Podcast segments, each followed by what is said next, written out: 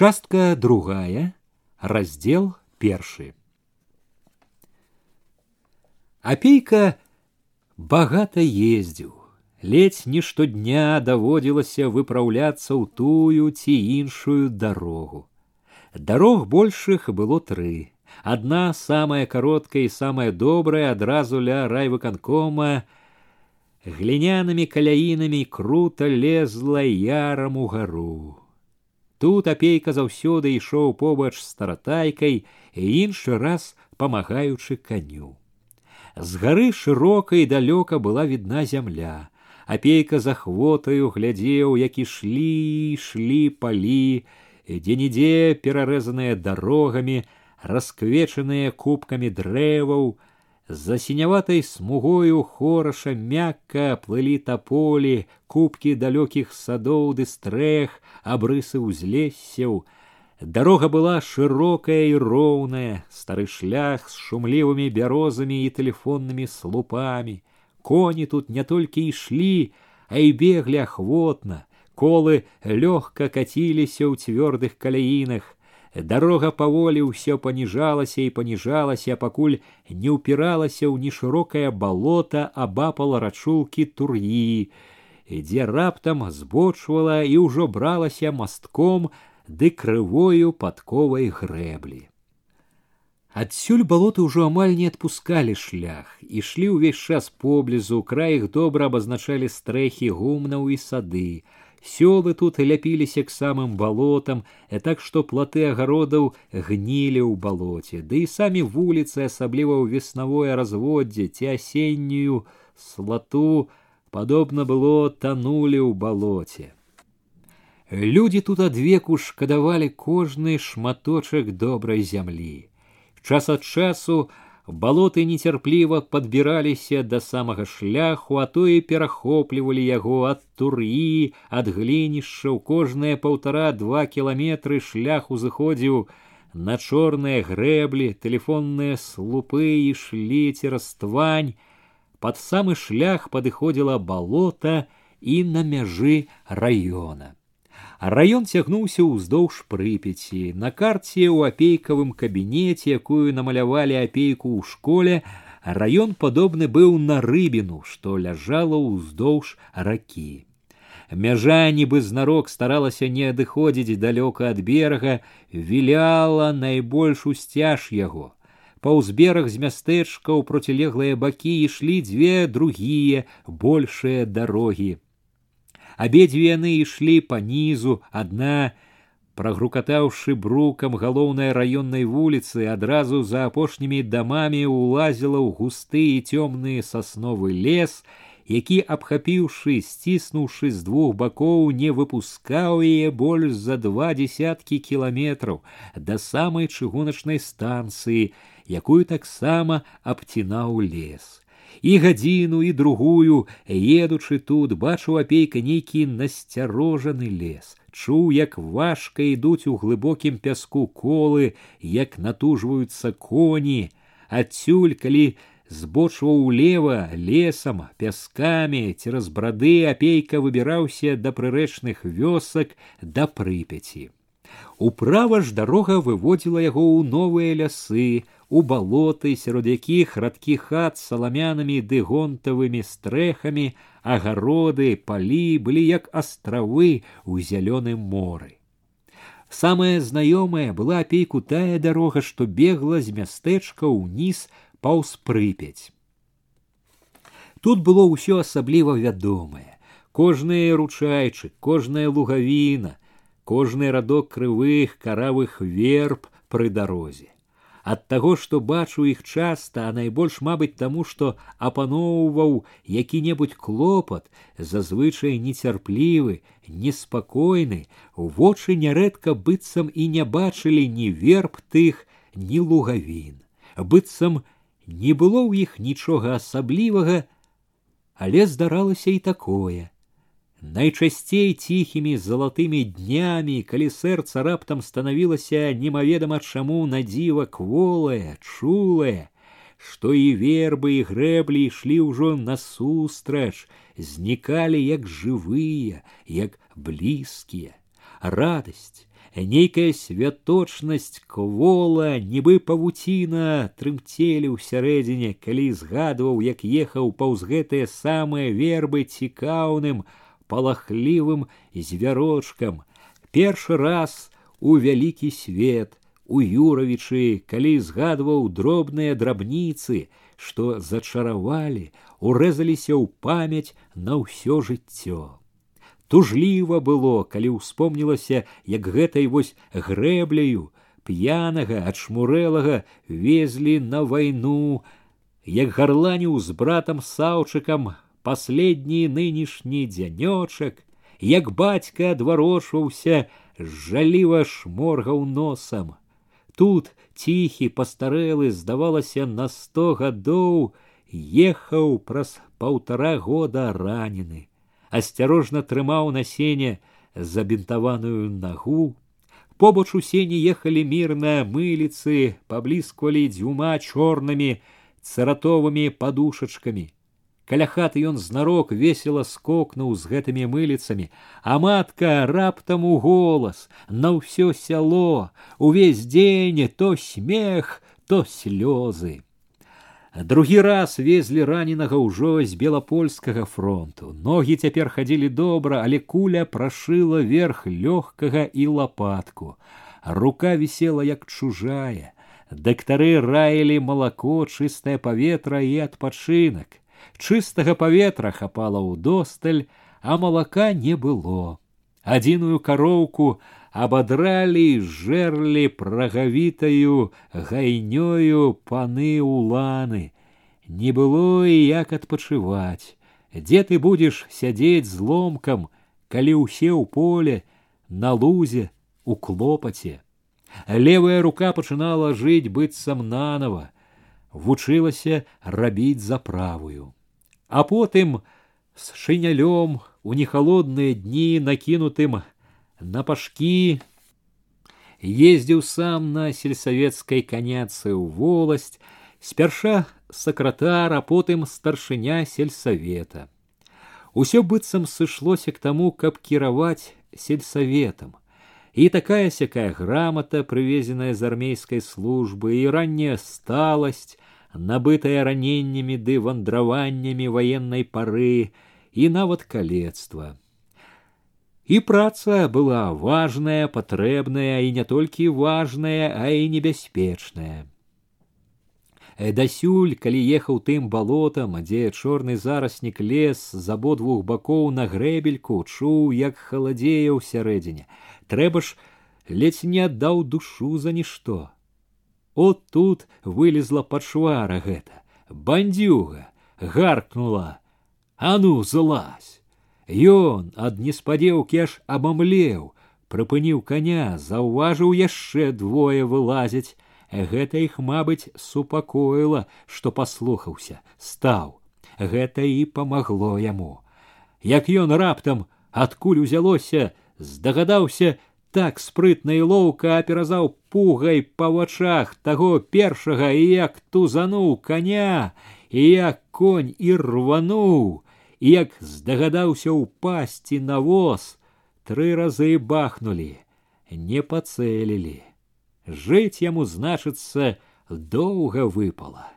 Добрай, што дарога хутка завярнула, схавала яго, памагла. Але ж як блізка была нябожчыца старая, каб трохі той свет пабачыў бы. Багато что напоминала дорога опейку. Напоминала, як ветраным кастрычніцкім днём ехаў у гомелі на курсы, як вяртаўся з курсаў летам ужо з жаданым сумлена заробленым дакументам пра тое, што ён настаўнік, як ездзіў у валасны цэнтр на партыйныя ды настаўніцкія нарады, думкі тут кожны раз вялі сваёй сцежкай. То ў дзядзькаву хату дзе ён адзін вёў чатыры класы у цёмнае лясное сяло то ў другое такое ж сяло дзе ён зноў быў у сельсавеце. То к таму ці к другому знаёмаму той пары Успаміны пра даўнія бралі апейку надчасцей калі ён ехаў к роднай хаце.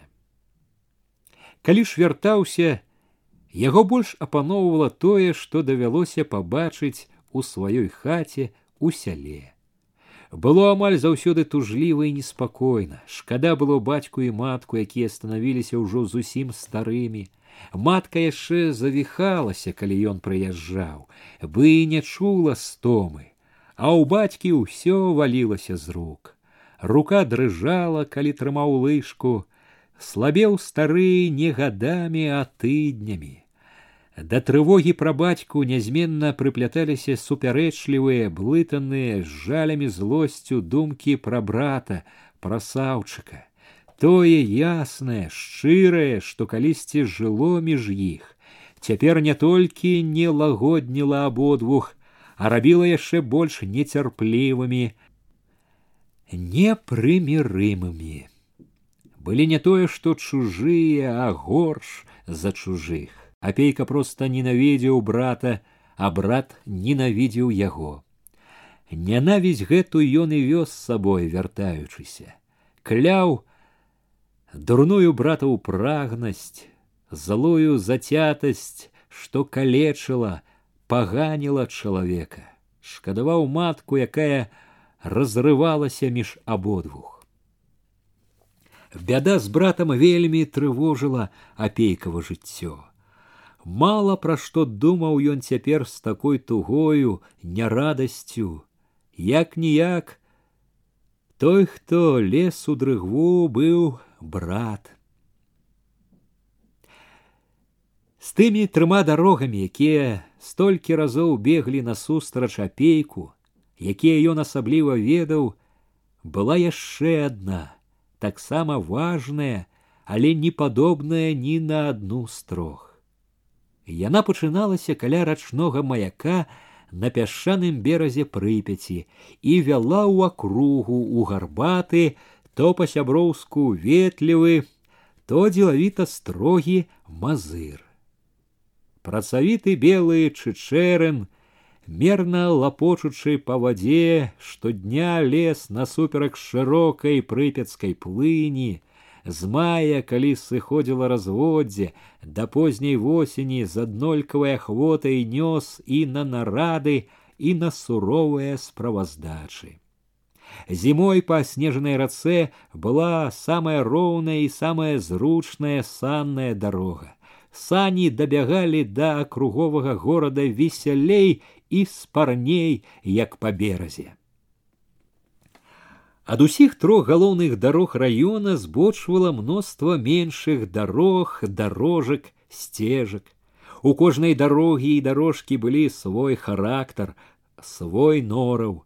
Маладзе ў свеце было столькі наравістых, ненадзейных дарог, як на гэтай зямлі. Толькі нямногія з іх і нядоўга ціха ішлі полем ці лесам. Большасць ледь апейка з'язджаў са шляху ці байчэйшай дарогі зразу ўлазіла ці ў мокрыя зараснікі ці ў балотнае куп'ё. За балотам, за зялёнай тванню ды зараснікам абапал грэблі таратайка апейкава праз нейкі час выбіралася на меншую ці большую выспу, і колы ў летнія сонечныя дні мякка сеялі пясок або дробны, як мука пыл.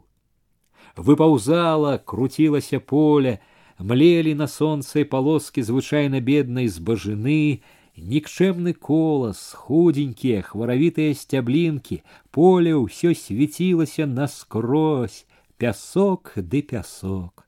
Ішлі палоскі зацярушанай пылам бульбы, ветер прыносіў салодкі пах грэчкі за вытаптаным выганам амаль заўсёды пры балоце апейку абступалі хаты новыя пасівелыя ўжо ад дажджу ды ветру скрыўленыя абымшэлыя ад даўнасці за шыбамі за платамі сустракалі цікаўныя вочы чым далей ад вялікай дарогі тым радзей бачылі тут чужога чалавека У кожным сяле былі ў апейкі цяпер знаёмыя, прыяцелі, Калі не спяшаўся вельмі, нават кіруючыся далей, ён спыняў коня, завітваў у хату. Да выпіўкі ён быў, усе ўжо ведалі невялікі ахвотнік. Ведалі, што калі галодны быў, не таіўся, не аднекваўся для прыліку і не грэбаваў бедна якой грыбной ці шчаўлівай поліўкай. І ведалі, што любіў юравіцкі госць, як пачастунак толковую цікавую гаворку ведалі і частавалі чаго чаго а гаворак у апейкавых паездках хапала заўсёды. То нібы пустыя са смешкамі то сур'ёзныя яны апейку былі радасцю і абавязкам. Хто хто ён ведаў, як далёка панясуць не вельмі багатыя на такія сустрэчы дзядзькі ды цёткі гаворкі гэтыя, як доўга будуць пераказваць, услухоўвацца, дашуквацца не толькі яўнага, а і тайнага сэнсу. Гаворкі цікавыя і карысныя былі і самому апейку. Тут у гэтых людзей было мора навін, такіх патрэбных яго душы, якая хацела быць заўсёды з народам. Калі ён ехаў далей побач, часцяком ішло некалькі дзядзькоў, цётак, чародка цікаўных малых праводзілі. За крайнімі хатамі тратайка зноў кацілася пясчанымі каляінамі, а разам з якімі і ўбягала ў яшчэ адно балота. Абапал зноў мяняліся зараснікі шызаватых лазнякоў ды бліскучага алешніку, зноў ядавіта зелянела раска, тёпла, дурнотна пахла тванню. Трашчала галлё под коламі, што дробна дрыжалі, курыўся пыл, руды, тарфяны.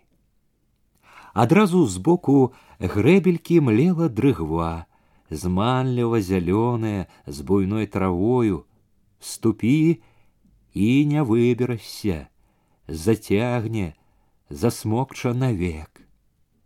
Доўга ішлі то купы зараснікаў, то высокая бурая трава, то раска з жабамі, то чорная, асклізлая ламачча.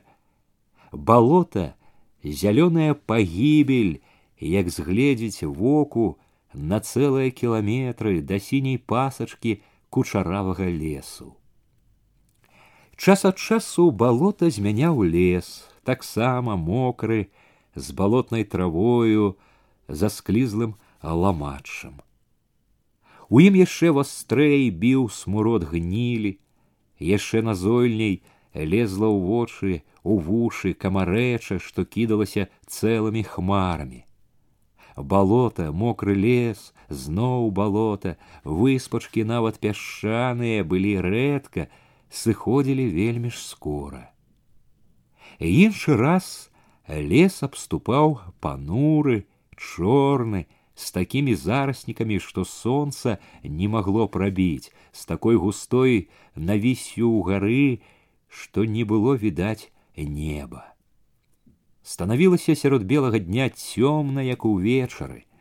Дарога была ўжо нібы не дарога, а пяшчэра. Колькі не бачыў такіх дарог, адчуў апейка як нешта сціскаецца і чарнее і ў яго душы, як бярэ нейкая маркота, нейкая трывога. Калі ехаў зім, выканкомаўскі возчык ігнат, апейка заўважаў, што і ў таго прападае звычайная дарожная санлівасць, у вачах паяўляецца неспакойны бляск, азіраецца мімаволі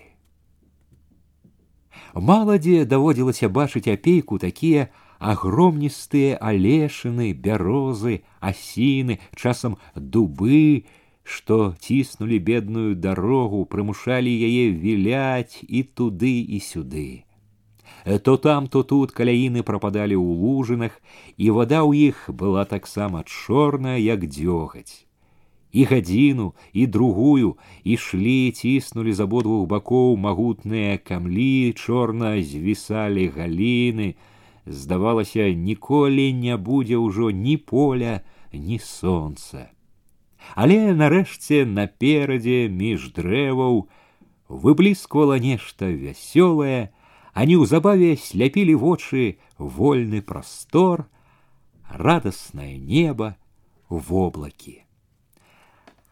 Ва ўсім раёне не было цяпер сяла ці нават хутарка, у які хоць бы некалькі разоў не наведваўся апейка.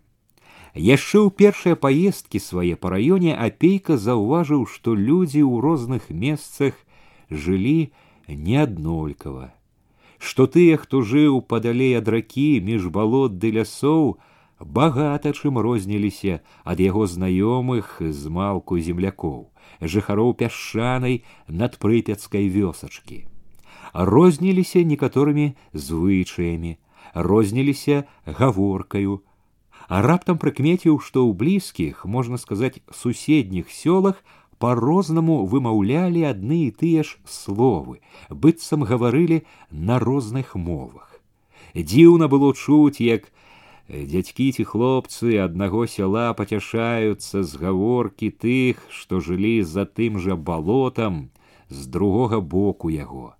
Пацяшаліся хоць у саміх, гаворка была дзіўная, хоць тыя з другога боку таксама падсмейваліся з іх. Апейка, дабіраючыся да разгадкі такога дзіва, меркаваў, што гэта была, мабыць, памяць далёкай даўніны калі вёсачкі на сваіх выспах міше багні жылі яшчэ больш асобна. Дзе-нідзе сярод палішукоў трапляліся палякі і яўрэі.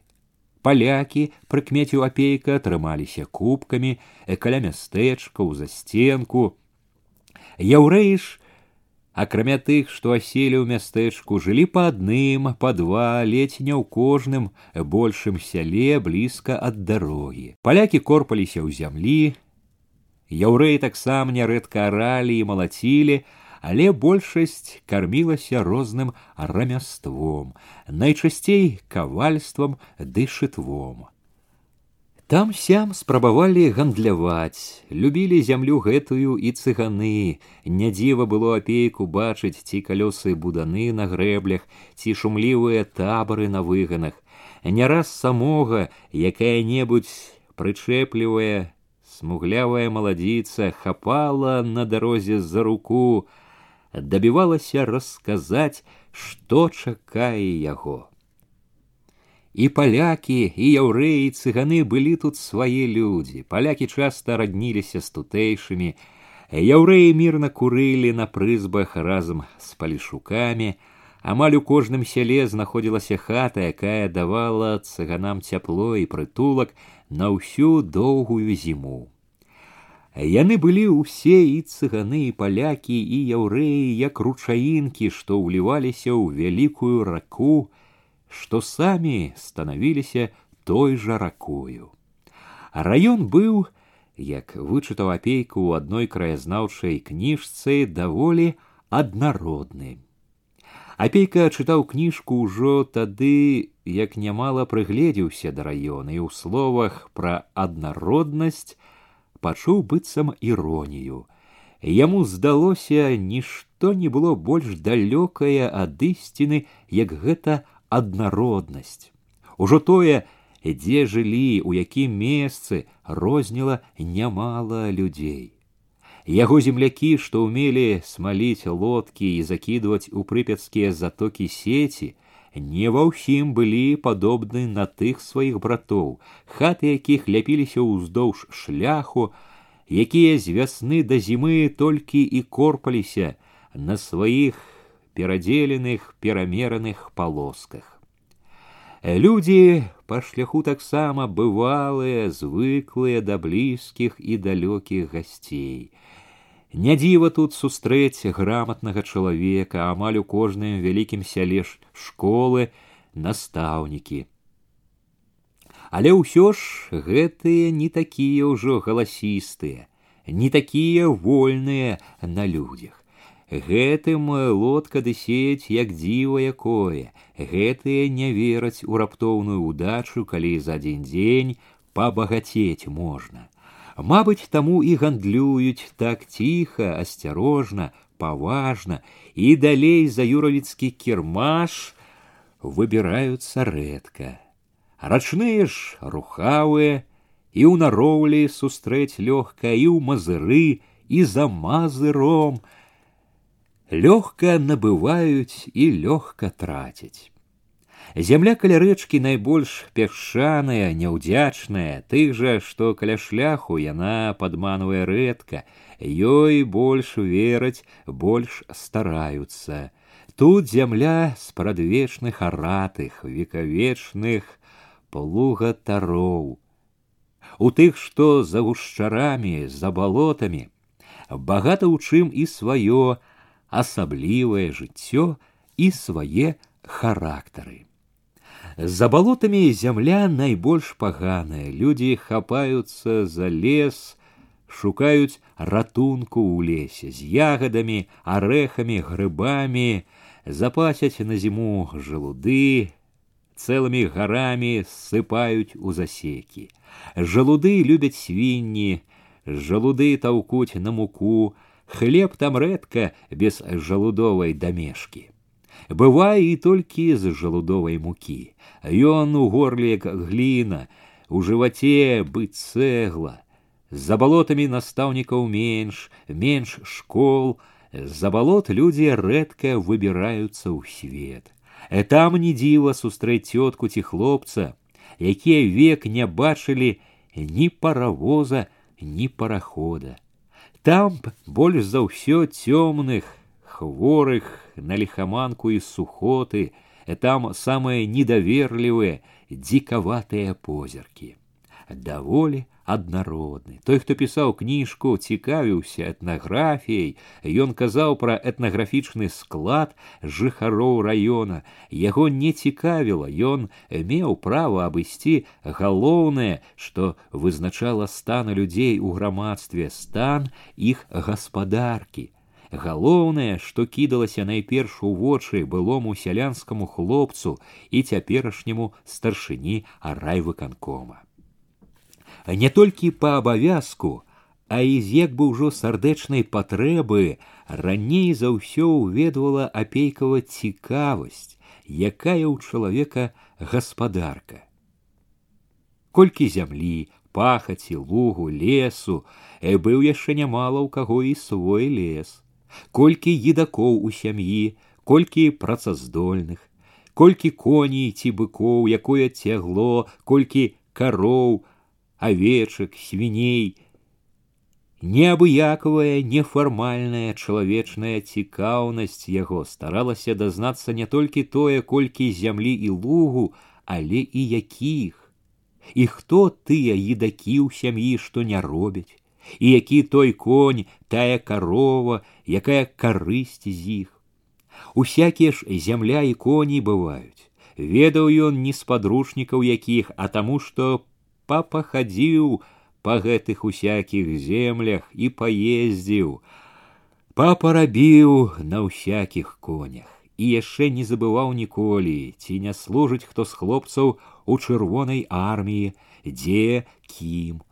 Не забываў не толькі таму, што ведаў, як багата значыў той хлопец у гаспадарцы, а і таму, што помніў, паважаў армейскую службу. Хацеў, каб усе помнілі армія, то армія, хлопец не на гулях, а на дзяржаўнай службе служыць народу. Значыць, пашана і яму, і яго бацькам ды братам. Пашана і ўвага. Бачу апейка, што і заможныя і беднякі не ўсе былі на адзін капыл. Былі сярод заможных багацеі кулакі, п'яўкі, што толькі і жылі з чужой крыві, з чужога поту, а былі і такія заможнікі, дзе дастатак увесь набываўся тым, што сям'я ўся з падрослых працавітых дзяўчат ды хлопцаў, якімі правіць суровы бязлітасны камандзір бацька, бацька монарх, бацька катаржнік, камандзір катаржнай каманды. Былі такія заможнікі, у якіх адно лічылася зямлі больш, як у іншых, але як зямля тая жаўцела жоўтенькім пясочкам, то заможнікі такія праўдзіва нагадвалі голых каралёў. Былі такія, у якіх за чорнымі пакрыўленымі сценамі, за сляпымі акенцамі, заткнутымі анучамі таіліся багацце і хцівасць, пра якія б век не падумаў, поўная кулацкая дзяржава под абцёртай старчай страхою. А другога гатовы былі залічыць у кулакі таму толькі, што ў таго хата відная на ўсё сяло. Выпнуўся, паставіў усім на зайздрасць, лезе ўсім у вочы сваім хорамам. А ў тым хораме век галодныя дзеці, багацце ўсё. Не блізнятамі былі бачу апейка і тыя, каго аб'ядноўвалі адным імем бедната. Затым агульным, добра знаёмым абліччам галечы і нішчымніцы, якое яднала ўсіх, бачу апейка рознасць лёсаў і прычын. Бедныя, ад беднасці зямлі, што ты выцеснеш з таго пясочку ці балота. Ад недахвату цягла, паспрабуй разгарніся без коня. Ад таго, што хворая кармільца, ад таго, што няшчасці, невядома за які грэх сыплюцца, ад таго што ратоў поўна ў хаце ўсё дай ды дай а падмогі ніякай былі бедныя што век у працы ў клопаце і бедныя што чухаліся і то з лянотаю былі век цвярозыя і век п'яныя былі такія што апейка загадзя мог бы паручыцца у калгасе апорай будуць калгасная гаспадарка на такіх будзе трымацца. А былі і такія, апейка гэта таксама добра бачыў, што не парадуюцца калгас прыдбаўшы. Труцень, прыхлябатель, беднасцю сваёй пахваляцца будзе, як білетам на бясплатную паездку ў рай. Што праўда, тое праўда былі ў балотнай ды лясной старане, у якой апейку выпала рабіць з людзьмі ціхія, рахманыя, акурат такі, якімі палішукоў паказвалі свету старыя спачувальныя кнігі. Але былі і зусім іншыя, якія невядома чаму не ўварваліся ў тыя кнігі, не рахманыя, крыклівыя, задзірлівыя нават, былі баязліўцы, што дрыжалі перад усім і зухі, якія не страшыліся ні чорта, ні бога.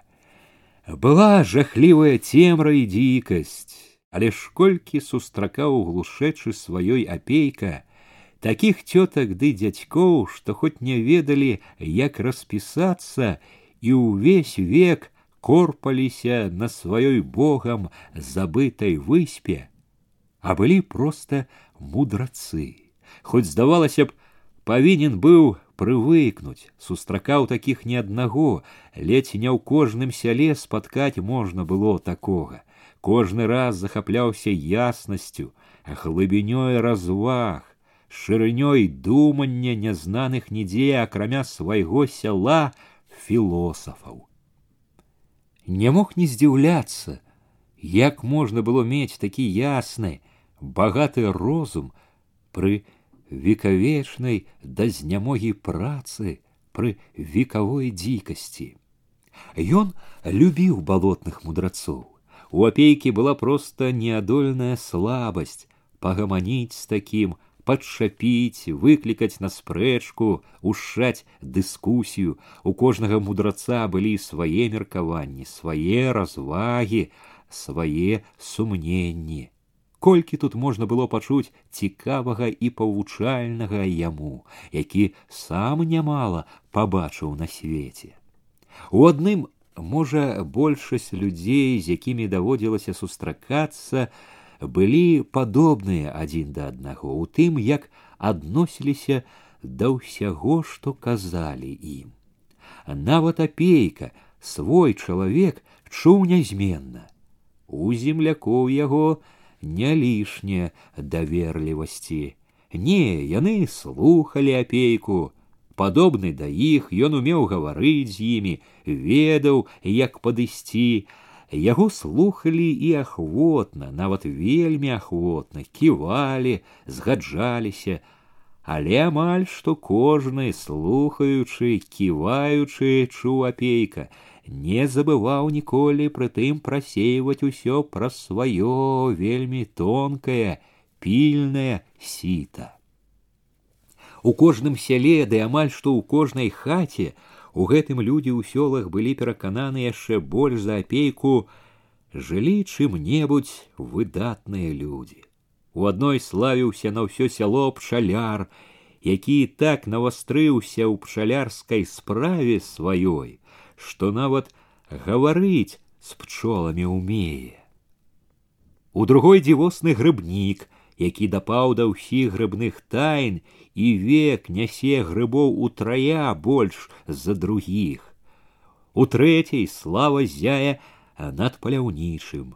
Не тое, што лісіц, ваўкоў ды рысяў перабіў не злічыць.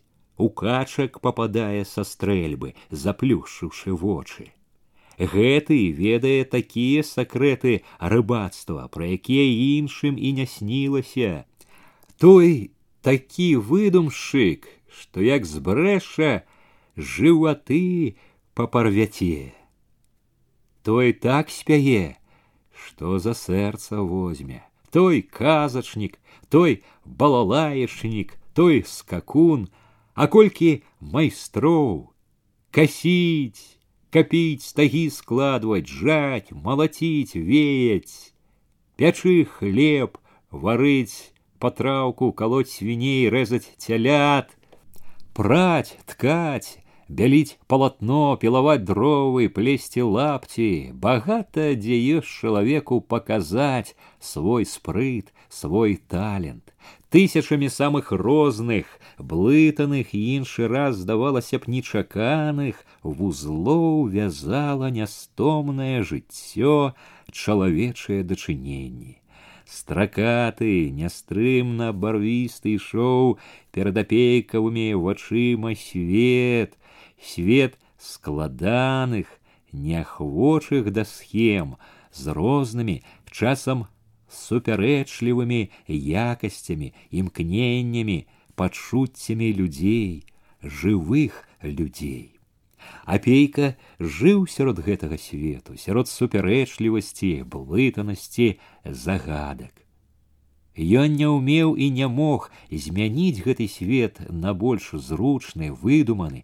Яму не давалі гэтага ні месца яго ў жыцці, ні характар яго, штодня, штохвіліны, неабыякавым сэрцам чуў ён жывую бяду, жывыя надзеі а яму долей самой трэба было адказваць жывым, раіць жывым, развязваць бясконцыя вузельчыкі і вузлы. І трэба сказаць, ён не наракаў, ён нават давольны быў з такім багаццем цікава жыць. Жывучы з такімі разумееш, што ты патрэбны ім, патрэбны справе. Разумееш, што недарэмна хлеб ясі працоўны. У характары апейкі былі дзве рысы, розныя, несуладныя. Нейкая чуласць, схільнасць да элегічных адчуванняў і разам цвярозасць, практычнасць. Чуласць, элегічнасць яго былі мусіць ад прыроды, Пэўна, яны і былі калісьці прычынай таму, што апейка з усіх жыццёвых доляў выбраў сабе долю настаўніка, ды яшчэ настаўніка літаратуры. Выраслы ля лесу, ля рэчкі ён усё жыццё быў неабыякавы да лесу, да рэчак, да ціхага і вялікага жыцця прыроды. От і цяпер, жывучы неадступнымі клопатамі, ён увесь час чуў яе з сабою ішла пара, якая заўсёды асабліва хвалявала яго восень. Ён заўважыў яе поступ здаля, са жніўня, калі сонца падымалася яшчэ высока, і ад гарачыні іншымі днямі аж млелі дрэвы, бабкі, недажатыя палосы, агароды за платамі. Подступ яе радаваў добрым надвор'ем, палі дружна галелі, зелянелі адно палосы з картопляю, дарогі былі поўныя працоўнага руху, дзе б не быў, рыпелі вазы, сунуліся да сяла па загуменных дарогах, уціскаліся ў расчыненыя гуменныя вароты. Не толькі ў халаднаватых гумнах і на гарачых прыгуменнях пахла жытам, ячменем, аўсом. Там і тут рады снапоў пры сценах, аздаблялі чорныя гумны, як паясы, снапы сушылі, дзе-нідзе цупалі ўжо цапы. Восень далічвала летні плён. Што ж апейку не было чаго быць недовольным гэтым плёнам. Яно было не пустое, не гультайскае, можна ўжо сказаць мінулае лета. Як і ў тыя гады нязбытным, вялікім клопатам лета былі дарогі. Трэба было, як і ў тыя леты, карыстаючыся тым, што балоты падсыхаюць, што сярода лета ёсць трохі вольнага часу ладзіць грэблі, правіць, лажыць масты. Дарогі былі вечнай бядою, хоць і нямала за мінулыя гады наладзілі, клопату хапіла і на гэтае лета хопіць і яшчэ, мабыць, не на адзін десятак гадоў. Паваждацца давялося нямала, але клопат, што ні кажы, не прапаў попусту. Яшчэ дзве грэблі новыя у самую балотную глухамань. Яшчэ некалькі подсыпали, наладзілі старых, пералажылі шарбатыя падламаныя масты, збудавалі трохі новых, можна не хвалячыся і не прыбядняючыся сказаць тое сёе зрабілі. Вядома, да ладу яшчэ далёка, дарогі яшчэ багата дзе рэжуць без ножа, але ўсё ж тое сёе зрабілі, зрабілі. Першага верасня школьны званок паклікаў малых у тры новыя школы. Апейка ў той вераснёвы дзень дапаў да адной з іх у мокуці, сам бачыў, колькі радасці ўцехі было ў бацькоў і дзяцей. Усё сяло, старыя і малыя сышліся як на свята. Заняткі доўга нельга было пачаць ад таго, што кожнай мацы, кожнаму бацьку хацелася паглядзець, як будуць іхні ці іхнія вучыцца потым разышліся праўда па паўлосах па гумнах але вечарам каб не было апейкі спаілі б з радасці далікатнага настаўніка адзінага пакуль на ўсю школу свята праўдзівае было і апейка не дзівіўся раней трэба было перціся ў школу за цэлых сем кіламетраў ды ледзь не ўсё лесам па незлічоных лужынах, якія летам не высыхалі, цераз балота за куранямі. І лес там быў найбольш чорны, непралазны, поўны ўсякага звяр'я ды гадаўя. У саміх юравічах тут былі і апейкава задума і яго кіраванне, зрабілі інтэрнат для дзяцей з далейшых сёл. Школ другой ступені ў раёне не густа, пакуль што поўная толькі адна, Дык от і няхай будзе сталы прытулак усім, хто хоча ісці з балот да святла. Няхай будзе цёплы куток і страха перад вучобай пасля вучобы не ўсякаму бацьку ёсць на што наняць іх у мястэчку. Сам насам апейка радаваўся, ганарыўся нават як асобным дасягненнем, што ў гэтым годзе школы будуць не толькі запалам, Дрывамі ўдалося забяспечыць школы непагана, дзецям не давядзецца мерзнуць у халодных класах. У гэтым годзе ва ўсіх школах будуць для дзяцей гарачыя снеданні, хлеб і чай з цукрам, Ва ўсіх школах цяпер ёсць тытаны ці бачкі гатаваць чай, ёсць хлеб і ёсць цукар. Гэта ўжо нешта ад будучыні. Гэта ўжо можна сказаць з'ява сацыялізму. Цяпер, калі восень відна не па нейкіх асобных прыкметах, а ўладарыць усюды беспадзельна, можна ўжо скінуць з душы трывогу пра ўраджай. І налілося ўсё і выспела і прыбралі з поля. За ўсе зернавыя можна быць спакойным і за жыта, і за ячмень, і за авёс. Тое леташняе лета было няўдалае. Зернавыя ўрадзілі слаба, што вымакла з вясны, а што пагарэла, і людзям было мала і перад дзяржавай у даўгу асталіся, не выканалі нарыхтовак. Была цяжкая восень, у трывозе аб людзях з усякімі непрыемнасцямі зверху за нявыкананы план і яшчэ больш цяжкая зіма і вясна. Людзі ў некаторых сёлах дамешвалі ў муку жолуд, пяклі з жалудовага цеста, Ні адной сям'і некалькім сёлам гразіўся голад. Трэба было памагаць, ратаваць колькі змогі. Памагалі і выратавалі, узялі з багацейшых сёл, выціснулі з кулакоў.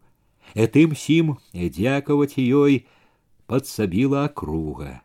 Пасля ўсяго асабліва неспакойныя былі і вясна і лета, таму і асаблівая радасць, што не падвялі ураджай сёлета непаганы, калі раўняць нават з тым, што збіралі ў добрыя гады.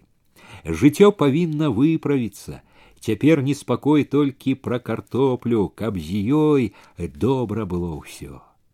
Восень пакуль не прыдумаеш лепшай золото не восень дні як адзін сонечныя лагодныя неяк надзіва чыстыя усё навокал у ласкавай дзівоснай яснасці усё агорнута млявым велічным спакоем белаватае неба далёкія і блізкія лясы трава пры дарогах усім гэтым небам і зямлёю прырода нібы кажа я папрацавала нямала, нашчыравалася за вясну ды лета, і от хачу пакволіцца ў спакоі. Яна можа і мае права на спакой, а людзям не да яго, не да спачыну. Людзі поўныя клопату ад вечнага асенняга імкнення. І таксама поен клопату апейка, толькі ў клопаце яго не одна сям'я, не одна гаспадарка, тысячы сем'яў, десяткі вёсак і вёсачак раён. Цупаюць сапы ў тысячах гумнаў за палямі, за барамі і зараснікамі, за абшарамі балотных чаратоў і асакі цупаюць у дзённай яснасці і ў чорныя з першым подыхам холаду, ночы пры святле лятучых мышаў звіняць і ўдзень і ўночы яшчэ нячастыя калгасныя малатарні, удзень таншэй як бы празрысцей, уночы басавіцей. Гул іх яшчэ не ўсюды звычны, таму вяселіць асабліва. Ён як нейкая новая і вельмі звонкая мелодыя ў даўняй песні восені. Людзі начамі пры святле ліхтароў і на сваіх гумнах і каля малатарань выглядаюць трохі незвычайнымі. На стрэхі, на сцірты, на поле ліхтары кідаюць вялізныя цені ад ценяў гэтых людскія руки з бичамі цапоў з віламі, нібы руки асілкаў, самі людзі выдаюцца асілкамі. Можа быць, яны і ёсць асілкі з ночы ў ноч, да світання цупаюць сапы, гамоняць малатарні, людзі робяць, не шкадуючы сілы, да знямогі. Цяпер самае галоўнае хлеб. Хлеб трэба ім, трэба гарадам, трэба арміі, у хлебе жыццё народа і магутнасць краіны, якую будуюць пяцігодку. Хлеб гэты якога раён дасць небагата толькі некалькі кропель у хлебным моры краіны але і яны не лішнія краіна жыве нялёгка не раскошна кожная кропля на ўліку першымі ў акрузе былі чырвоныя абозы з іх з юравіцкага раёна адзін абоз павёў калінкавічы на станцыі новы сакратар райкома башлыкоў з другім у няблізкую дарогу ў хвойнікі выправіўся апейка апейка вёз абоз сёл якія былі бліжэй да хвойнікаў збіраліся на шляху вазы сёл ішлі к шляху цераз грэблі цераз масты па польных дарогах з жалезных абадоў цёк то руды тарфяны то белы як мука дарожны пыл по шляху рушили разом. Вазы з мяхамі збожжа паўзлі па белых пясчаных каляінах між старых і шумных бяроз, праз сёлы і міма сёл, міма хат наводдаль і ветракоў, што паважна круцілі крыламі, ехалі пад вясёлыя маршы і полечкі куранёўскага гарманіста Алёшы, под песні возчыкаў, між якіх асабліва стараўся міканор. Калі ж гарманісты і ахрыплыя возчыкі сціхалі пад доўгі, задуменны гоман тэлефонных правадоў. Э толькі сцяг на пярэднім возе ўвесь час весела агніста хадзіў пад лагодным цёплым ветрам с полечками ды кадрылямі прагрымелі коламі па бруку галоўнай вуліцы мястэчка паўз балота выбраліся ў строгі сасоннік далёкай станцыі апыленыя прытомленыя з прытомленымі коньмі але гаманлівыя галасістыя Пра гэтыя абозы пісалі потым газеты гэта была падзея не толькі для раёна але і для акругі і можна сказаць для рэспублікі башлыкоў чуў сябе тады героем абозы гэтыя як бы прагрымелі аб тым які кіраўнік якога палёту прыехаў у раён і трэба сказаць што для абозаў гэтых ён нямала пастараўся так што пачатковы гэты яго трыумф быў зусім заслужаны але як і здаралася не раз мінулымі гадамі пачаўшы першымі набыўшы шумную славу рэспубліканскага маштабу усю гэту славу неўзабаве ж страцілі ганебна адсталі не зважаючы на ўсе старанні сакратара райкома і на яго вялікае шкадаванне Апейка, вядома, таксама шкадаваў, што нарыхтоўкі зацягваюцца, але ён перажываў спакайней. Быў і характарам больш стрыманы і аб славе не так бедаваў, і галоўнае браў тое, што здарылася, як пакуль няўхільную бяду. Яна не першы раз абыходзілася з ім так. Усё ж бяда гэта і яго тачыла дарогі рэзалі прымушалі траціць попусту столькі часу і сілы каб мог палічыць хто-небудзь колькі патрачана іх за ўсе гады колькі паламана адных калёс ператомлена коней Ва ўсім раёне ні адной вярсты чыгункі, ні адной станцыі. Палавіна вёсак кіруе на станцыю ў адзін суседні раён, другая ў другі. І як не выгадвай, і ў адзін і ў другі бок менш як па трыццаць сорок а кому никому и по пятьдесят километров не выходить. Тут, як не старайся, хоть обозы будут рыпеть не только у день, а и у ночи до ранку все одно не управишься добра. Усё роўна раён спознится. У такія дні апейка нецярпліва думаў пра той блізкі і далёкі час, калі і па іх лясных дэпольных дарогах запыляць аўтамашыны. Гэта была яму адна з самых дарагіх хмар. З добрымі дарогамі ды машынамі быў ён упэўнены глухая старана іх вельмі хутка зменіць сваё аблічча, стане краем багацця і культуры. Машины, лічыў ён, борзда разгоняць застаялую дзікую цішыню, радасна панясуць у знябытыя вёскі шчырыя і шодрыя дарункі гарадоў. Пакуль жа ужо не першы год ён недовольна паглядваў на раку. Усцяж раёна боль за паўдесятка прыстаней.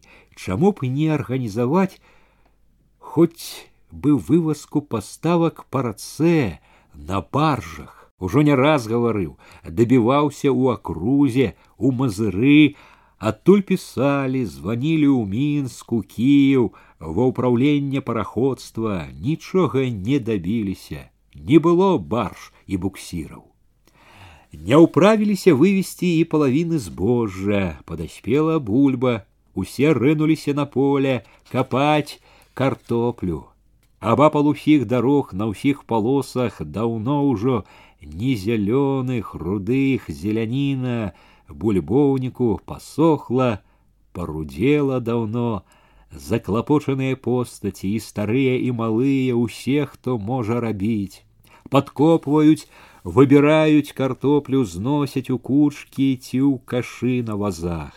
Над полем, над дорогою з дня ў дзень пяшотная сонечнасць, дні пагодныя, як на заказ, чыстыя і вельмі ціхія, галасы як бы звіняць, але ціха, усюды плавае бабіна лета, бабіным летам абчапляны рудыя кусты бульбоўніку трава пры дарозе чапляецца яно за ногі закрылы таратайкі у конскай грыве таксама бабіна лета і спакойная мудрая журлівасць над усім і пахне дымам там і тут на полі белыя дымы паляць сухое бацівінне пякуць бульбу радасць малым і грэюцца старэйшыя зямля ўжо не летняя стынуць руки днём яшчэ цёпла а ночы волкія важкія і ранкамі на бульбоўніку на траве белыя махры інію паўзуць і паўзуць полем вазы з лазовымі кашамі вазы з кашамі на полі на дарогах на прыгуменнях Пры гумнах ледзь не ў кожным двары ладзяць капцы, картоплю ўкрываюць ад зімніх халадоў. Вялікія, доўгія, як аборы капцы ссыпаюць пры калгасных дварах, доўгія капцы гэтыя яшчэ ў навіну, які самі калгасныя аборы. Ідуць вазы з кашамі к вялікім раённым дарогам па шляхах з бярозамі і вербамі, з тэлефоннымі слупамі, Половина вазоў у один район, половина ў другі. На станцыях зноў людна і тлумна, сыходзяцца, ціснуцца дзесяткі, сотні вазоў, храпуць і ржуць коні, раз пораз ускідваецца лаянка, гатова загарэцца бойка. Кожнаму хочацца прабіцца да вагаў раней. Зноў апейку бярэ трывога аб вывазцы, марудна ідзе яна. Закругіш што ні дзень званкі, запытанні, як з нарыхтоўкамі, як план, напамінкі, што бульба Ленінграду і Маскве, накачкі падводзіце акругу. Нібы ён вінаваты, нібы ўсё таму, што ён не хоча ці мала хоча, каб было лепш. І от жа, хоць не вінаваты, хоць ведаеш, няма на табе віны, а ездзіш ужо як вінаваты. Гаворыш ужо ў сельсаветах, у калгасах, у вёсках неспакойна. Сам падганяеш ужо і сам накачваеш, хоць часта бачыш, што ўсё гэта і не трэба, неспакой, гарачка, нервы не вытрымліваюць. Спакой, дзелавітая разважнасць не ўдаюцца. А можа такое зіме ад таго, што ён адчувае цішыня гэта асенняя не такая лагодная, як магло б здацца, зманлівая. нельга паддавацца яе мірнай супакойлівасці.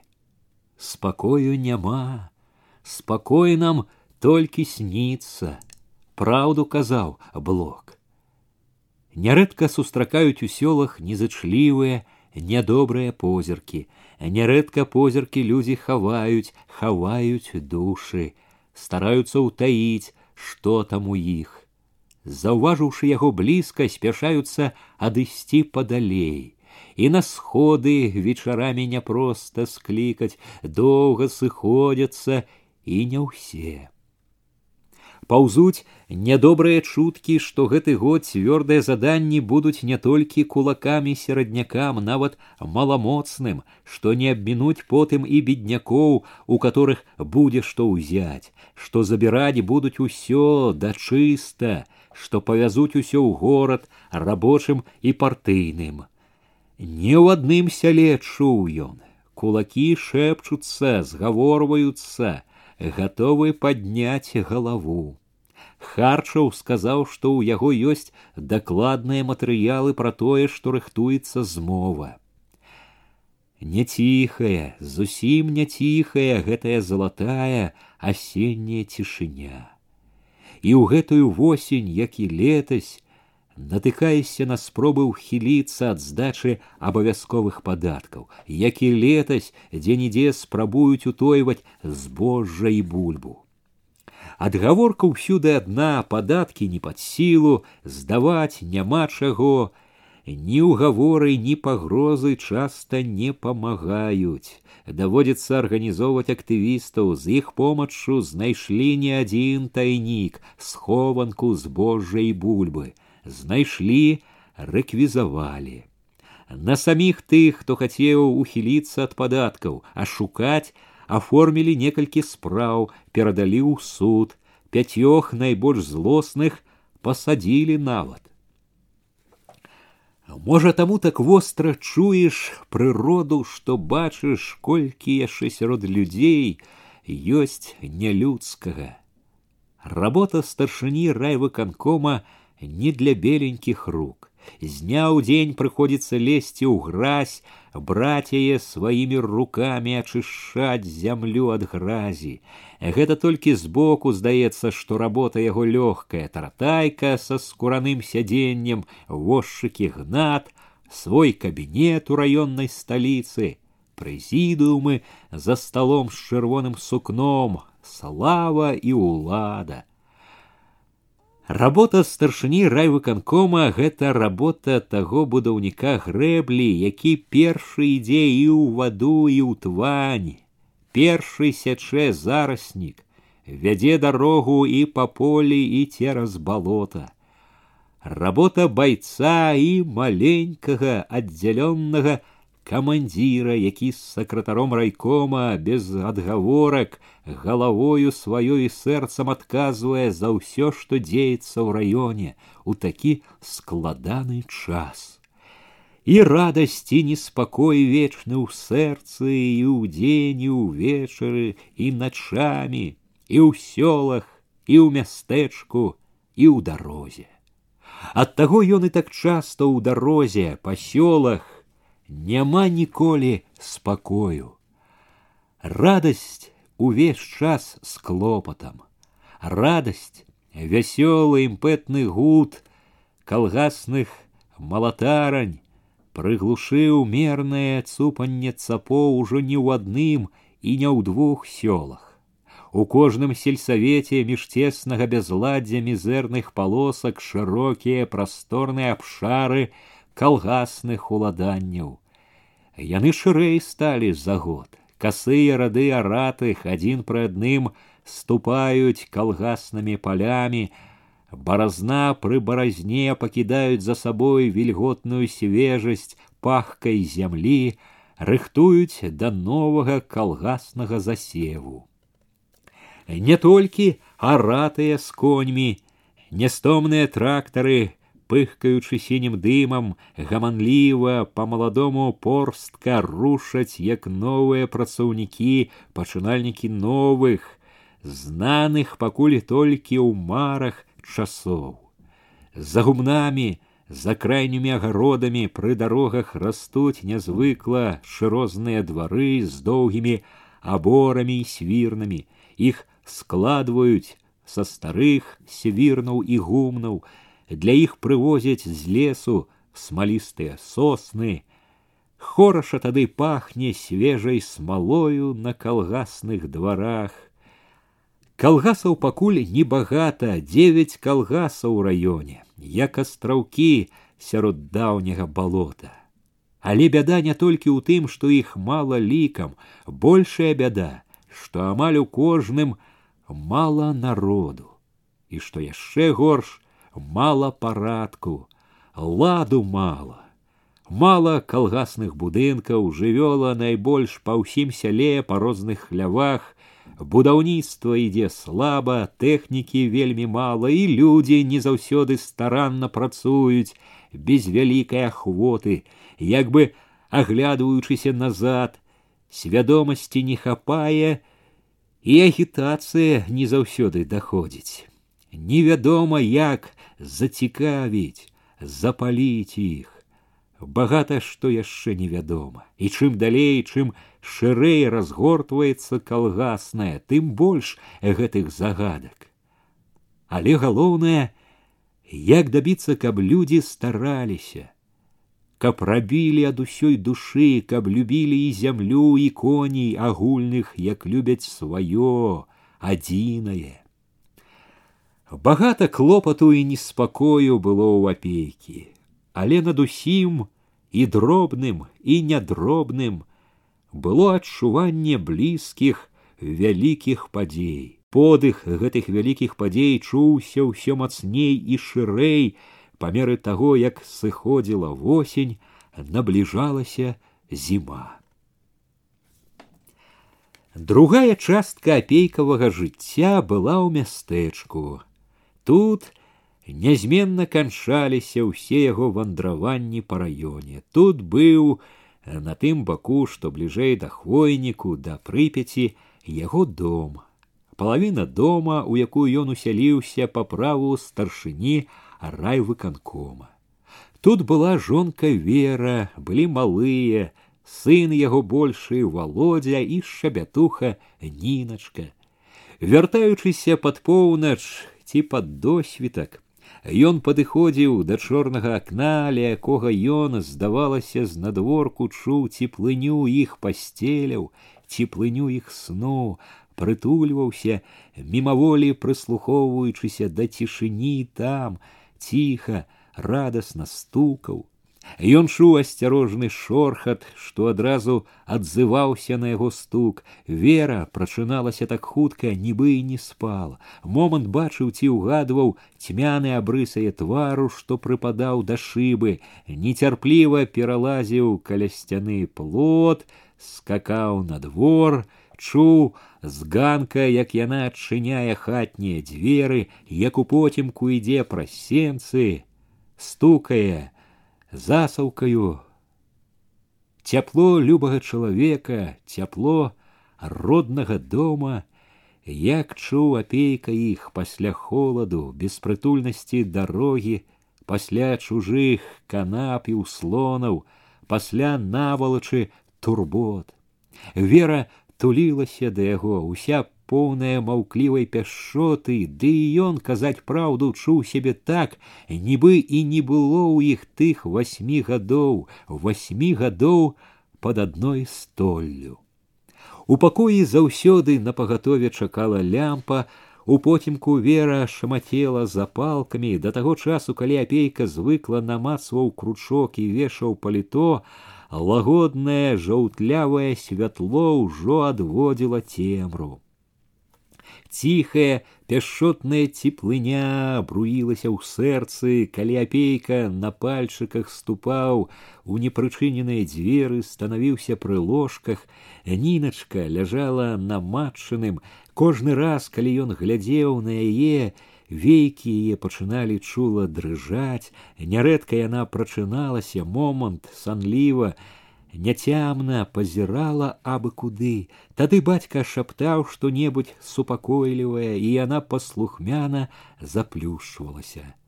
Сын спаў на бацькавым ложку каля другой сцяны, найчасцей носам у падушку, так што апейку звычайна былі відны толькі кволыя шыя ды неспакойны віхорчык на макаўцы. Спачатку восені ён прыязджаў штодня і ў вялікай трывозе. Дачка гарэла ад шкарлятыны, баяўся за дачку, баяўся за сына, ложак якога тады перастаўлялі ў сталовую. Цяпер бяда была ўжо ззаду, дачка выдужала і на шчасце володьку хвароба абмінула. Трывога ныла хіба трохі як успамін пра нядаўняе, як няжыта яшчэ дамешка да радасці, ад якой радасць можа толькі чулася вастрэй. Адышоўшы ад дзяцей, ён сядаў за стол, аглядваўся, быццам хочучы без слоў даведацца, як тут жылі, што рабілі.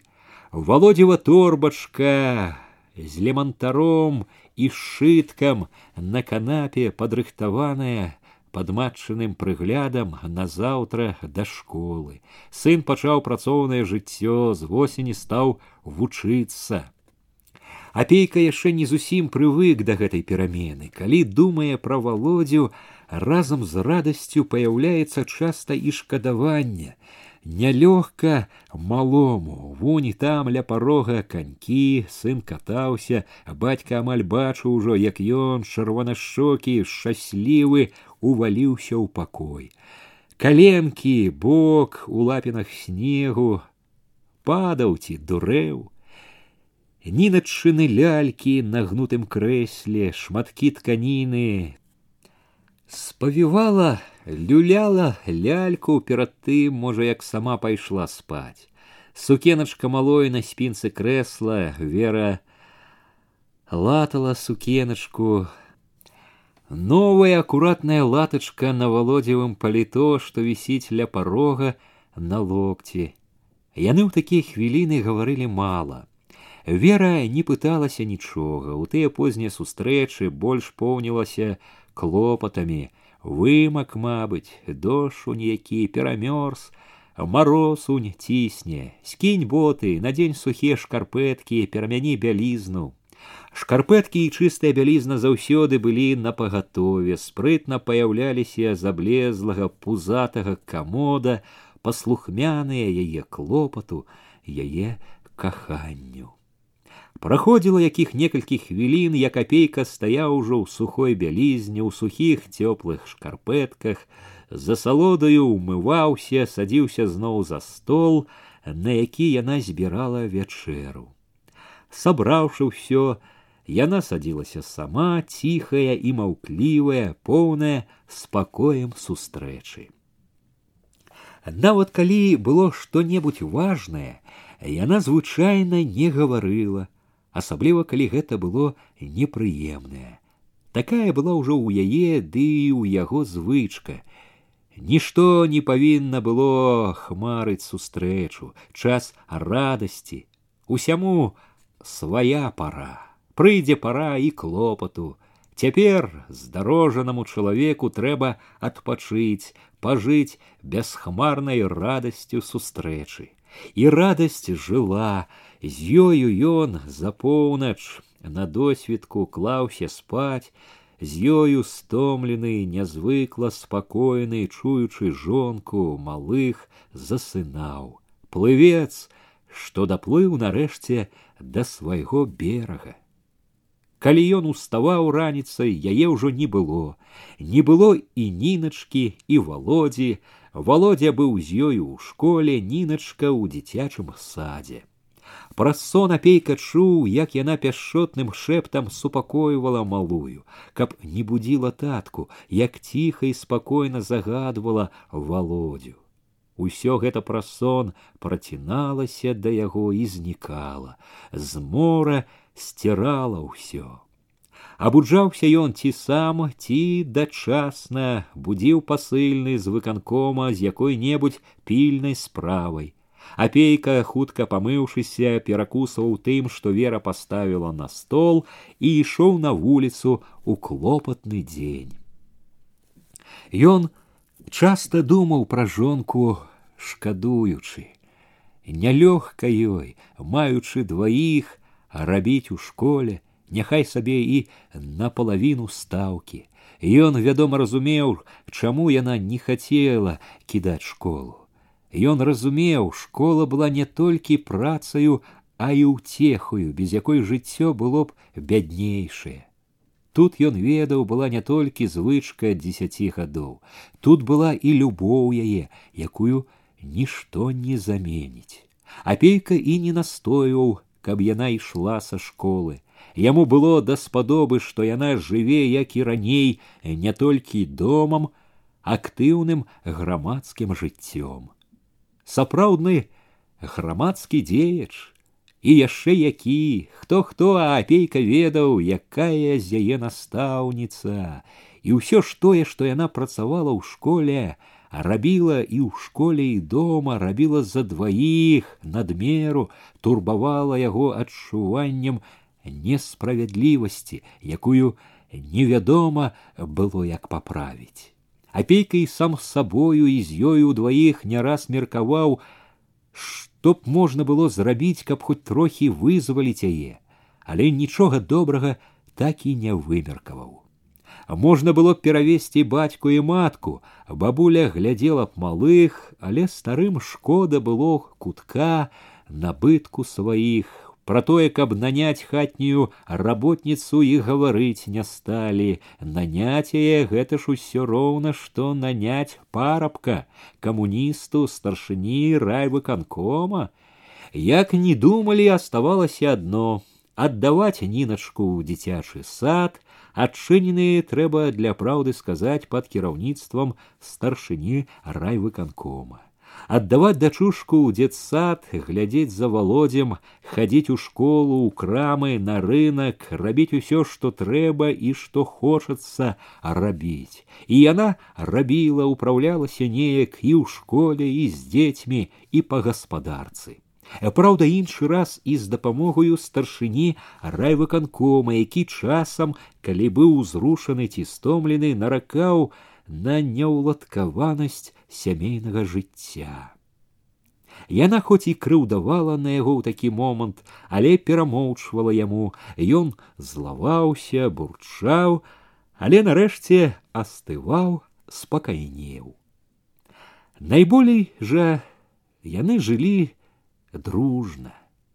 Як бы не былі напоўнены турботамі дні, было часу, каб хоць коротко, хоць урыўкам пасядзець разам, падзяліцца бачаным, чутым, думаным, няхай сабе найбольш увечары пасля апейкавага дня ў выканкоме, і разумелі яны адно аднаго з паўслова, часта з аднаго позірку. У другой палавіне дома жыў даўні апейкаў знаёмы харчаў Калісьці апейка сам угаварыў былога начальніка міліцыі пераехаць з не вельмі зручнай кватэры, якая была ў памяшканні міліцыі, радаваўся, калі той пасяліўся побач, цэлымі гадзінамі бывала ўвечары ці выхаднымі днямі сядзелі адзін у аднаго ў гасцях або на апейкавым ці харчавым ганку часам спрачаліся і разыходзіліся найбольш кожны са сваёй цвёрдай думкай,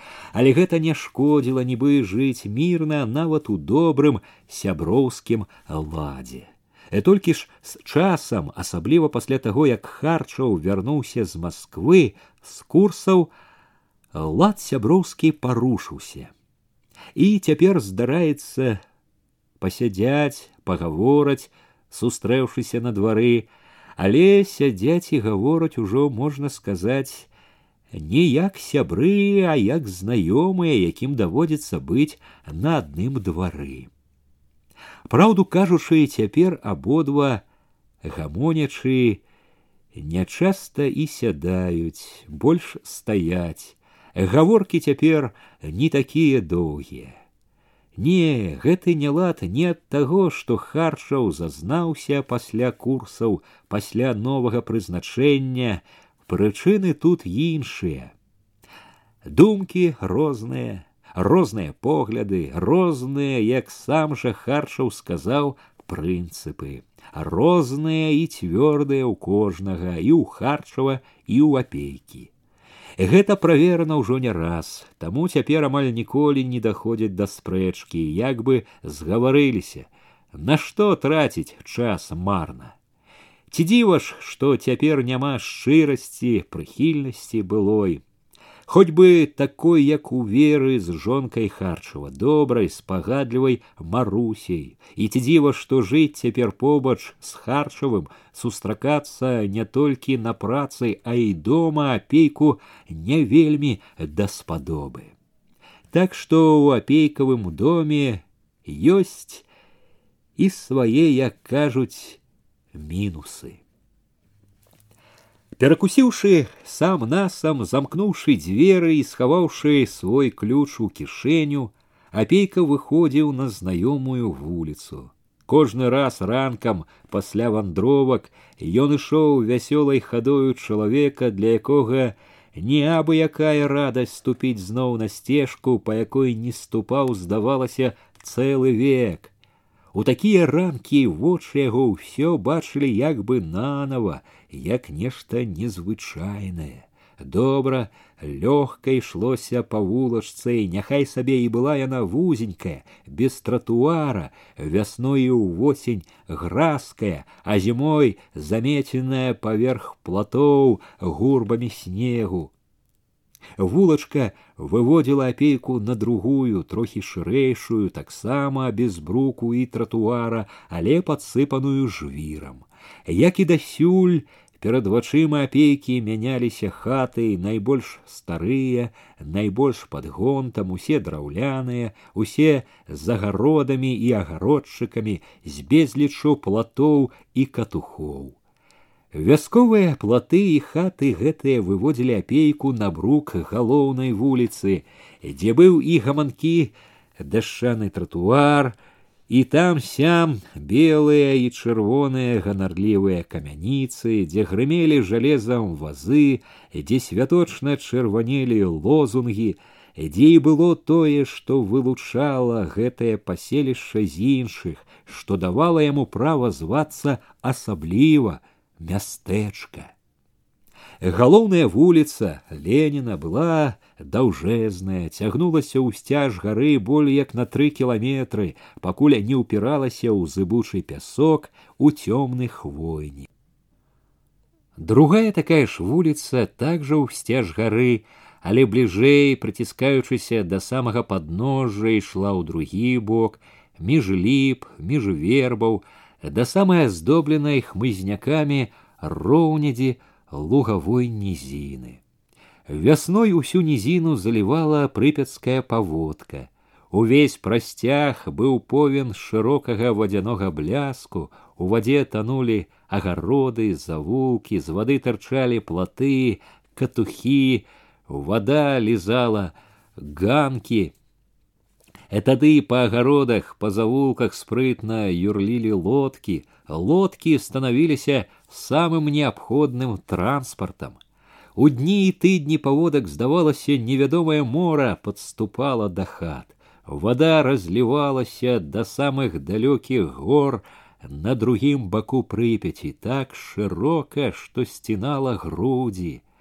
Под лета раней ці пазней вода паволі спаўзала, аддавала людзям чарнату мокрай зямлі за гародамі ды завулкамі вылазілі на волю лугавыя прасцягі вылазілі проста з вясёлай зелянінаю і бліскучым россыпам жоўтых красак хутка абсыхалі пясчаныя разлогі паўз прыпяць бераг быў увесь у пясчаных засыпах пяску открывалася нарэшце дарога да прыстанькі што ўжо нямарна чакала святочна белыя параходы.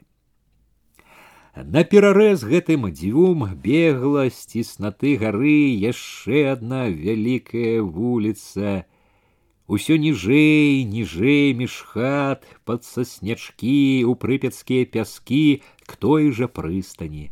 Гэта і была асноўная дарога, па якой цераз раўчакі і брады, што амаль не перасыхалі, дабіраўся да прыпяці ўвесь раён. На гэтых трох вуліцах і жыла большасць местачковага жыхарства. Гэта, можна сказаць, былі галоўныя вуліцы. Але як і большая частка самай галоўнай вуліцы Леніна, астатнія дзве галоўныя вылучаліся сярод іншых амаль адной даўжынёй. Былі гэта ў цэлым гразкія і пыльныя вясковыя вуліцы з вясковымі ж хатамі, акрамя лепшай часткі вуліцы Леніна толькі невялічкі кавалак той, што збягала з гары нагадваў нешта гарадское і брукам і дзвюма трыма камяніцамі. Усё гэта самае выдатнае з дзвюх вуліц было сабрана разам у тым месцы, дзе абедзве вуліцы скрыжоўваліся Э, тут і было тое, што выклікала пашану да мястэчка ў прыезжых з усяго раёна.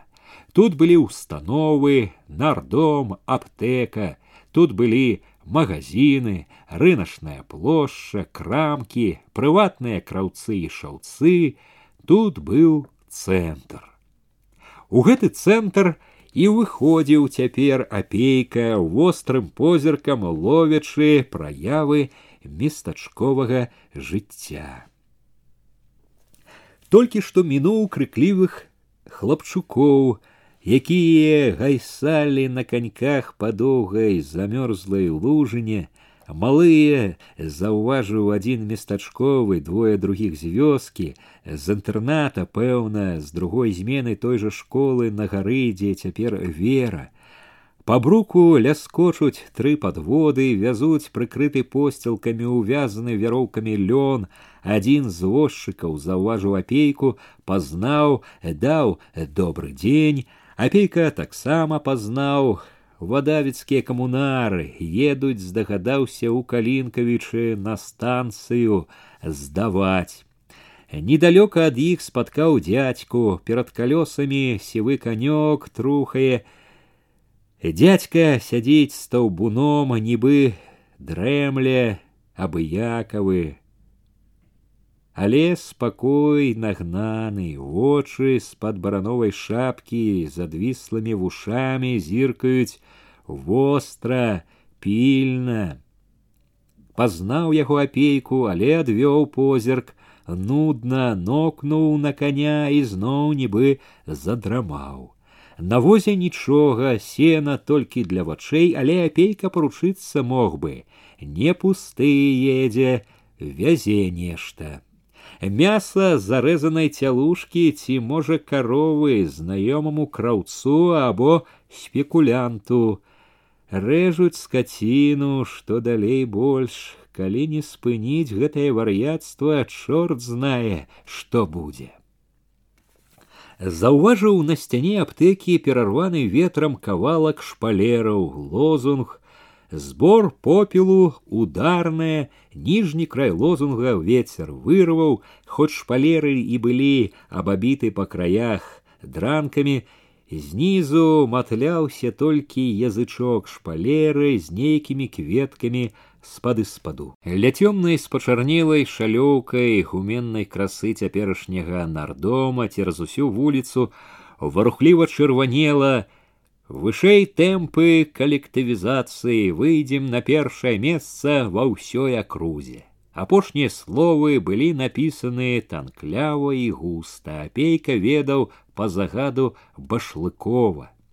Башлыкоў, пабачыўшы няўзгоднены з ім лозунг, загадаў зняць яго і дапоўніць. Апейка ўбачыў на сцяне нардома аб'явы, адна вельмі кароткая, будзе кіно, два друга, мадэлі подруга. Перад другой ён стаў важліва прачытаў: 22 ў нядзелю ў юравіцкім нардоме пачнецца чыстка членаў і кандыдатаў парт-ячэйкі юравіцкага райкома партыі КПББ. Просьба ўсім беспартыйным мястэчка юравічы, а таксама і ўсіх сельсаветаў і вёсак юравіцкага раёна абавязкова явіцца, а также падрыхтаваць факты пра работу і недахопы партыйцаў з ячэйкі, асабліва кампраметіруючыя матэрыялы. Усе гэтыя факты просьба кідаць у скрынку, якая тут вісіць, або заявіць камісіі па чыстцы ці на самім пасяджэнні па чыстцы публічна. Пачатак чысткі ў 10 гадзін раніцы. Аб'ява датычылася апейкі. Супрацоўнікі райвыканкома таксама ўваходзілі ў райкомаўскую парт'ячэйку. Усё, што аб'яўлялася, было яму ўжо вядома і тое, што чыстка будзе, ідзе і ў які дзень, і ён чытаў аб'яву і адышоў ад яе з такім выглядам, як бы нічога асаблівага не здарылася, а ў грудзях усё ж зашчымела нядобра, трывожна. Брала гэтае трывожнае не ўпершыню, але сёння неспакой быў багата чутнейшы. Кампраметирующие матэрыялы засела ў памяці, не адступала, не ціхла. Глупства прымусіў ён сябе адагнаць непатрэбны неспакой, глупства, маё сумленне чыстае, чыстае, і ніхто яго не запляміць, ніхто і нішто. Адсюль ужо блізка было да райкома. Райком быў у яшчэ новай будынне жаўтлявых толькі трохі пасівелых бярвенняў з вішнёвага колеру бляшаным дахам. Сама па сабе будыніна была падобна на дзесяткі іншых, вылучала яе забывательскага рада і іншых хіба толькі шыльдай юравіцкі райком КПББ, зробленая нядаўна ў мазыры, важная, багатая, серабром па чорным, адзіная на ўсё мястэчка сапраўдная шыльда. Акрамя яе вылучаў райкомаўскую хату яшчэ хіба радок белых чашачак на сцяне з тэлефоннымі правадамі. Апейку пашанцавала, башлыкоў быў акурат у райкоме, апейка павітаўся з русявым хлопцам у гімнасцёрцы, помощникам сакратара, попытаўся больш для прыліку, што новага пайшоў у кабінет башлыкова. Башлыкоў быў не адзін, перад ім на крэсле у свіце з пугаю ў руцэ сядзеў чарнаштан, старшыня глінішанскага калгаса. Сам башлыкоў стаяў насупраць за сталом стройны, прыгожы ў строгай сіняй гімнасцёрцы і сініх штанах. Звыкла трымаючы адну руку ў кішэні, ён весела адказаў апейку на прывітанне, моцна энергічна паціснуў руку, зноў павёў бліскучымі прыязнымі вачыма на чарнаштана.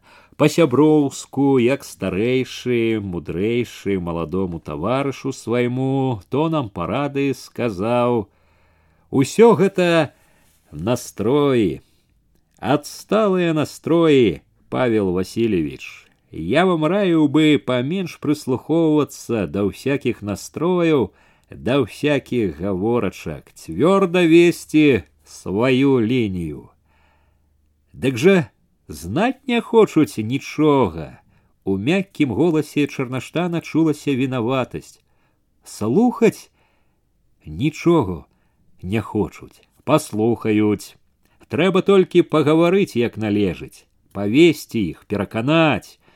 На тое і кіраўніцтва, каб кіраваць, весці людзей туды, куды ўказвае партыя, улічваць асаблівасці селяніна, канешне, трэба, але гэта не значыць, што трэба ісці на паваду ў яго, нельга ісці на паваду, нельга патакаць усякім настройчыкам вести за собой, вести, вот что трэба. Дак як ты іх павядзеш, толькі і чутно, хто робіць, хто не робіць толк адзінакі, усім палачко ў ведамасці. Справядлівасці кажуць няма. У іх свая мерка справядлівасці сялянская, уласніцкая, Ім цягнуцца і цягнуцца трэба, каб зразумець справядлівасць нашу пралетарскую, яны прыраслі к старому.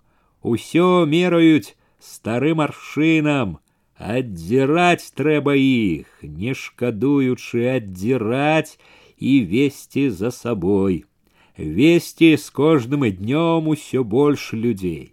башлыкоў загаварыў заклапочана дзелавіта мы павінны ўзмацніць тэмпы калектывізацыі у гэтым галоўная задача якую паставіла партыя перад нашым раёнам у цяперашні момант выкананне яе гэта ясна будзе нямала залежаць і ад вас сяло ваше вялікае віднае на вас я заўважыў паглядваюць і другія Таму кіраўніцтва раёна спадзяецца, што вы пакажаце добры прыклад іншым.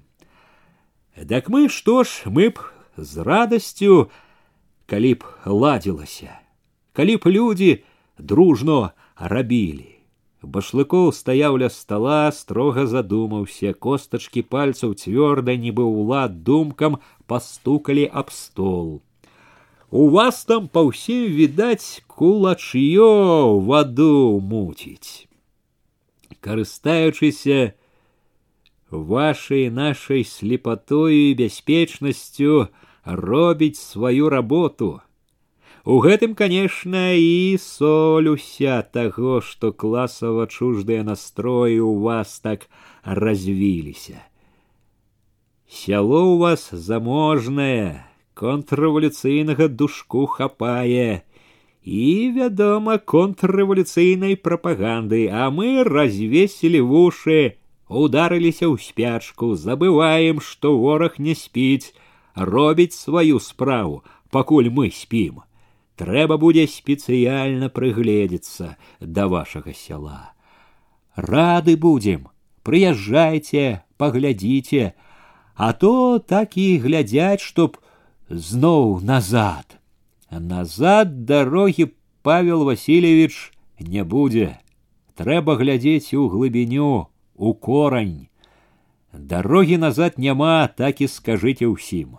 Партыя аглядвацца не будзе, бальшавікі не прывыклі аглядвацца. Мы идем к суцэльнай калектывізацыі, так рашыла партыя. Калектывы, будучыня сялян, ни аднаго, ни дзесяці, усіх, і ў нашым раёне, і ва ўсёй краіне. Усе рано ці позна будуць калгаснікамі. К гэтаму ўсё ідзе. І тыя, хто сягоння яшчэ ў аднаасобніках, таксама будуць у калгасах усе за выключэннем кулакоў. Такая лінія наша, так і скажыце людям. Скажу, дак мы будем чакаць вас.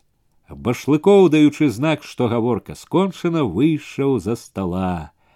Трэба глядзець наперад, Павел Васильевич. Дзелавіта дадаў, так і быць, у бліжэйшы час пад'еду, сам пагляджу, разбяруся. Толькі вот спраўлюся з неадкладнымі справамі. Ну, ён падаў руку па-сяброўску, дужа паціснуў чарнаштану. Калі чарнаштан пратупаў ботамі к дзвярам, Башлыкоў і апейка праз шыбу глядзелі, як ён падбіраў сена, адвязваў коня, як нітаробка задуменна выкіроўваў на вуліцу. Да, башлыкоў прайшоўся стройны, паюначы прухкі ў хадзе, пастаяў, рашуча крутнуў ручку телефона, загадаў, каб далі алешнікі, пазвалі гайліса. Вітаю, таварыш гайліс!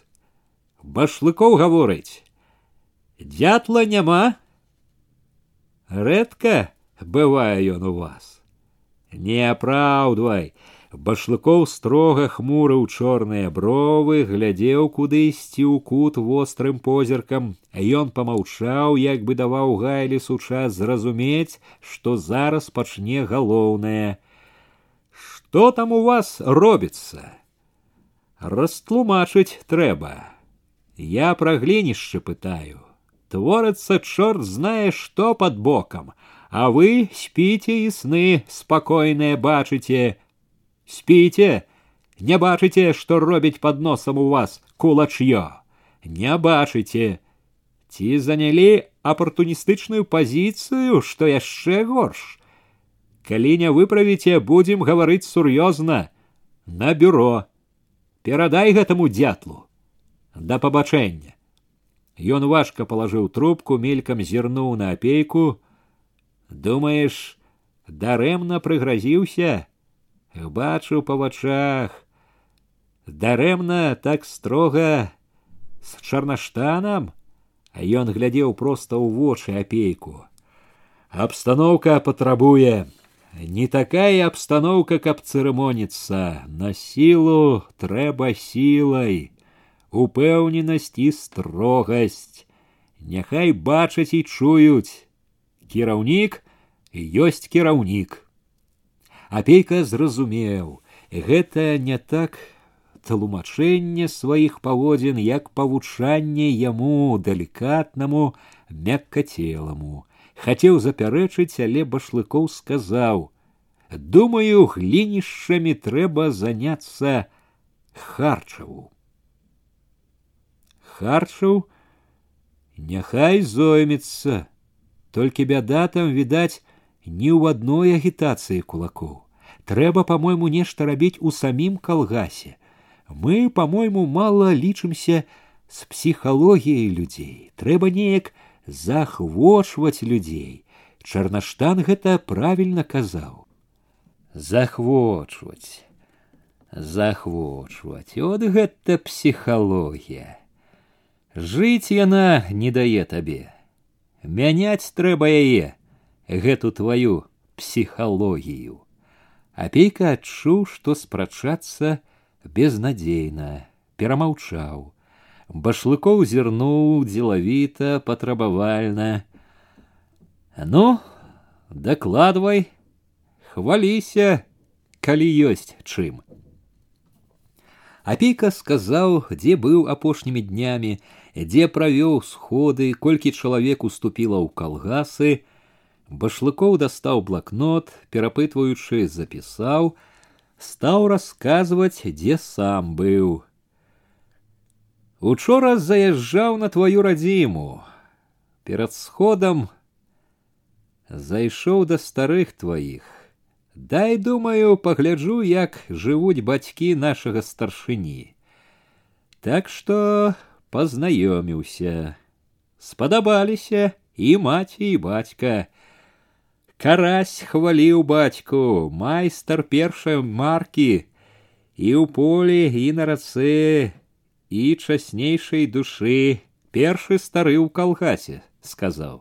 Так што хорошее было знаёмства. Хорошие старыкі.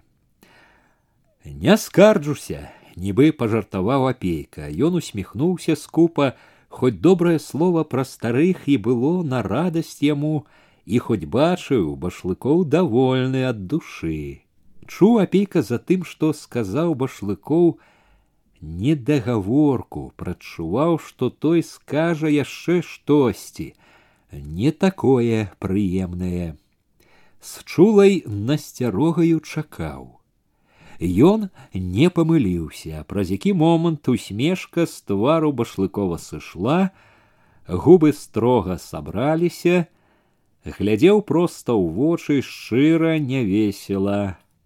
А брат, но і брат, спачуваючы пакруціў галавою. Гэта сваяк. Апейка прамаўчаў. Маўчанне было доўгае, цяжкае, потым башлыкоў запытаў: « Як ты прагледзеў гэта? Чаму прагледзеў? башлыкоў паясніў думку харчаў казаў ён памагаў табе пры паляках прадукты патроны табе насіў памагаў нам бедняком быў быў перарадзіўся за гады савецкай улады за гады савецкай улады апейка не таіў што гаворка гэта для яго непрыемнае. Ён не любіў гаварыць пра брата не толькі таму, што гэта была не такая ўжо вясёлая тэма для гаворкі, а найбольш таму, што яму пры гэтым выходзіла як бы апраўдвацца, выгароджваць сябе.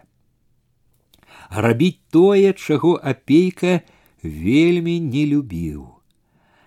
На шчасце даказваць гэта амаль ніколі не даводзілася. Усе ў раёне ведалі і яго радню і яго брата.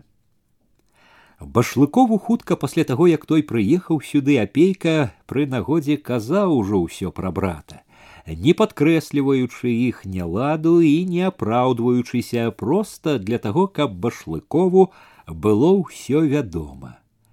Ужо тады апейка зразумеў, што башлыкоў з анкеты ці з нечых слоў ведае ўсё як мае быць і цяперашні напамінак пра брата і тое, што ён гаварыў з харчавым, і думка пра тое, што ён можа знарок заехаў туды даведацца самому праверыць, адазваліся ў душы прыкрасцю.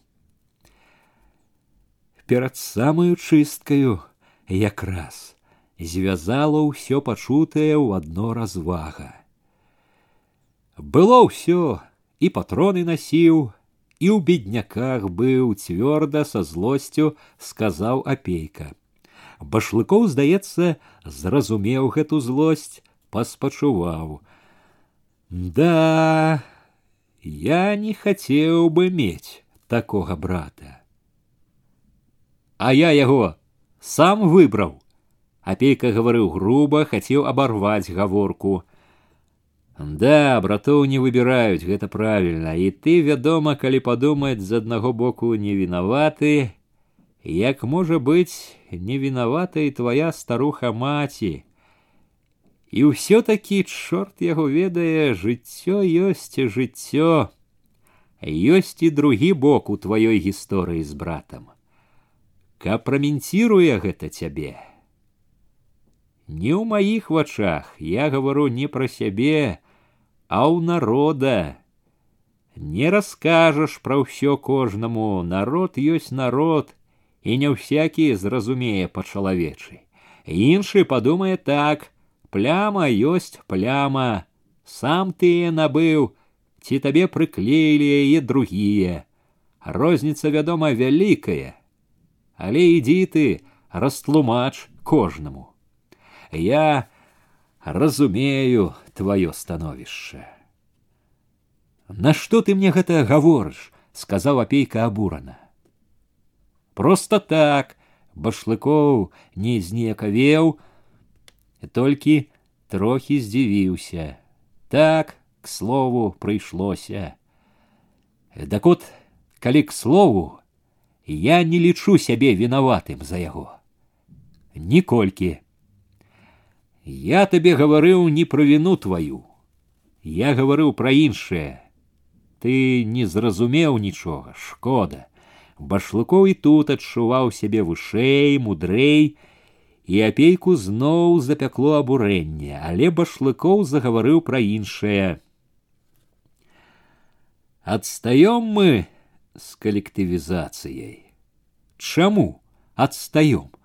Апейку ад непрыціхлай злосці хацелася пярэчыць на другім месцы ў акрузе башлыкоў заявіў спакойна другое не першае ён пашамацеў паперамі выбраў адну от тут скарга ад веруючых на тое што зачыняе малешніцкую царкву у мінск скардзіліся якая твоя думка Моя думка такая, што трэба дабівацца, каб царква сама зачынілася. Як гэта? Трэба веруючых зрабіць няверуючымі, бязбожнікамі.